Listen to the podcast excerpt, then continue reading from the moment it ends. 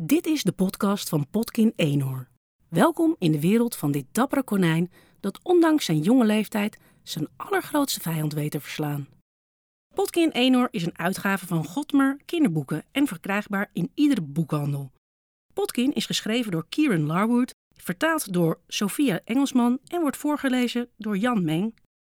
Aflevering 4. En in die tijd leefde Potkin Eenoor. Toen was hij nog geen held.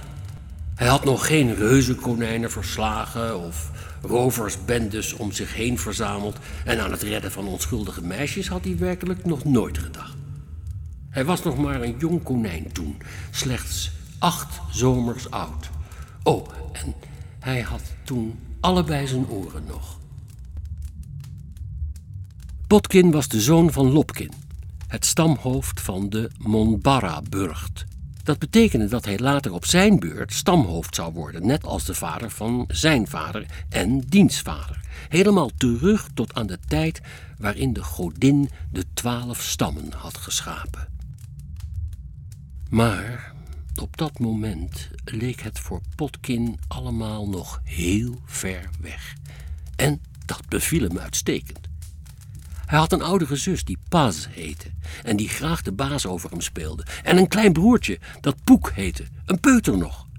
Ja, die deed weinig anders dan dingen kapot knagen en om soep vragen. Je zou kunnen denken dat Potkin als jong konijn al tekenen van heldhaftigheid vertoonde. Dat hij goed kon zwaardvechten bijvoorbeeld, of dat hij moedig was en wijs en vastberaden. Maar dan zou je je dus vergissen. Eerlijk gezegd was hij de meest luie, verwende troonopvolger van heel Lanica. Tenminste, dat was hij tot aan het begin van dit verhaal. Zijn vader deed zijn best om hem voor te bereiden op het leiderschap, met geschiedenislessen, konijnenkennis en krijgskunst. Maar Potkin maakte er een sport van om dat allemaal te ontlopen. Hij vulde zijn tijd met dutjes doen en dagdromen en daar was hij dan ook wel heel goed in. Hij dreef zijn leraren tot wanhoop. Vooral die arme Melfor, de wapenmeester. Minstens drie keer was hij al naar Potkins vader gestapt om te zeggen dat hij het opgaf. Dat hij Potkin niets kon leren.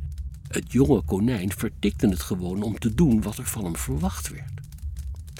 En zo zat Potkin Eenhoor, op dat moment eigenlijk nog twee oor, op een brame avond, net zo'n avond als deze, op de houten galerij in het groothol van de Monbarra-burcht.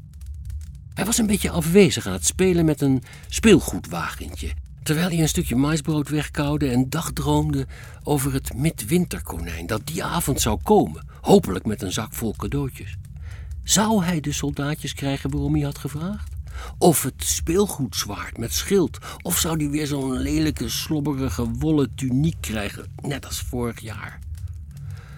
Wat doe je hier boven, Pot? Zijn zus was de trap naar de galerij opgeslopen en stond hem nu boos aan te kijken. Potkins broertje Poek lag in haar armen op een wortel te kauwen. Mama zei dat ik je moest halen. Ze gaan zo rapensoep eten en de, en de bramendans doen. En jij moet erbij zijn als troonopvolger.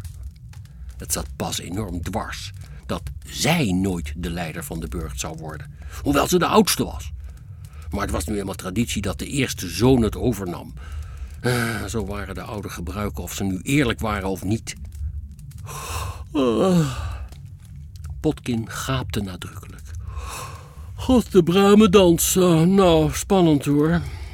Hij nam Poek uit haar armen en kriebelde hem op zijn buik. Hij kon het feestgedruis in de zaal beneden goed horen. Maar hij had geen greintje zin om eraan mee te doen. Ik kan echt niet wachten. Oh, oh, het lijkt me zo leuk om als een hobbenzak rond te hopsen. Als je niet naar beneden komt, zwaait er wat voor je, zei Pas. Besef je wel wat dat inhoudt, stamhoofd zijn? Niemand luistert naar een leider die niets anders doet dan zijn broertje kietelen, met wagentjes spelen en dagdromen. Potkin snoof minachtend en klapperde geërgerd met zijn oren. Je bent gewoon jaloers, omdat je denkt dat jij een beter stamhoofd zou zijn dan ik. Nou, dat is toch ook zo? Dat ziet iedereen. Pas begon op de vingers af te tellen. Ik ben de oudste. Ik doe altijd wat vader en moeder zeggen.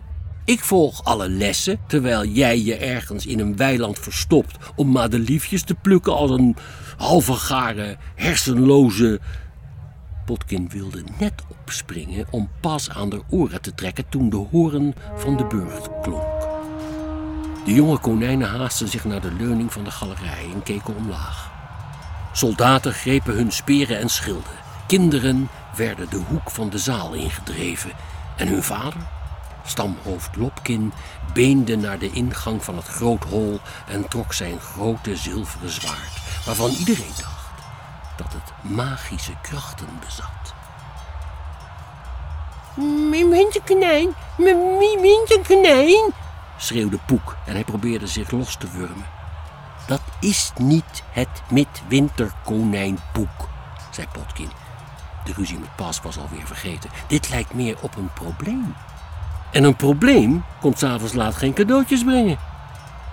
Vanuit de zaal steeg een angstig gemompel op. Een ruiter, een ruiter, daar komt een ruiter aan.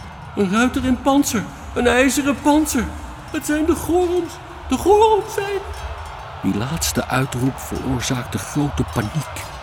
Potkin zag zijn vader schreeuwen, maar diens stem ging verloren in het rumoer. De hele burcht was in rep en roer. Dit was het moment waarop ze hun stamhoofd hard nodig hadden. Iemand die de leiding nam. Potkin zag Lopkin diep inademen en hoorde toen zijn zware stem bulderen. Ontwerp nu een boekenlegger bij Potkin Eenhoor Podcast en maak kans op het boek. Maak een foto van je ontwerp en zet hem op Instagram met hashtag Potkin. P-O-D-K-I-N. Meedoen kan tot 1 juni 2017.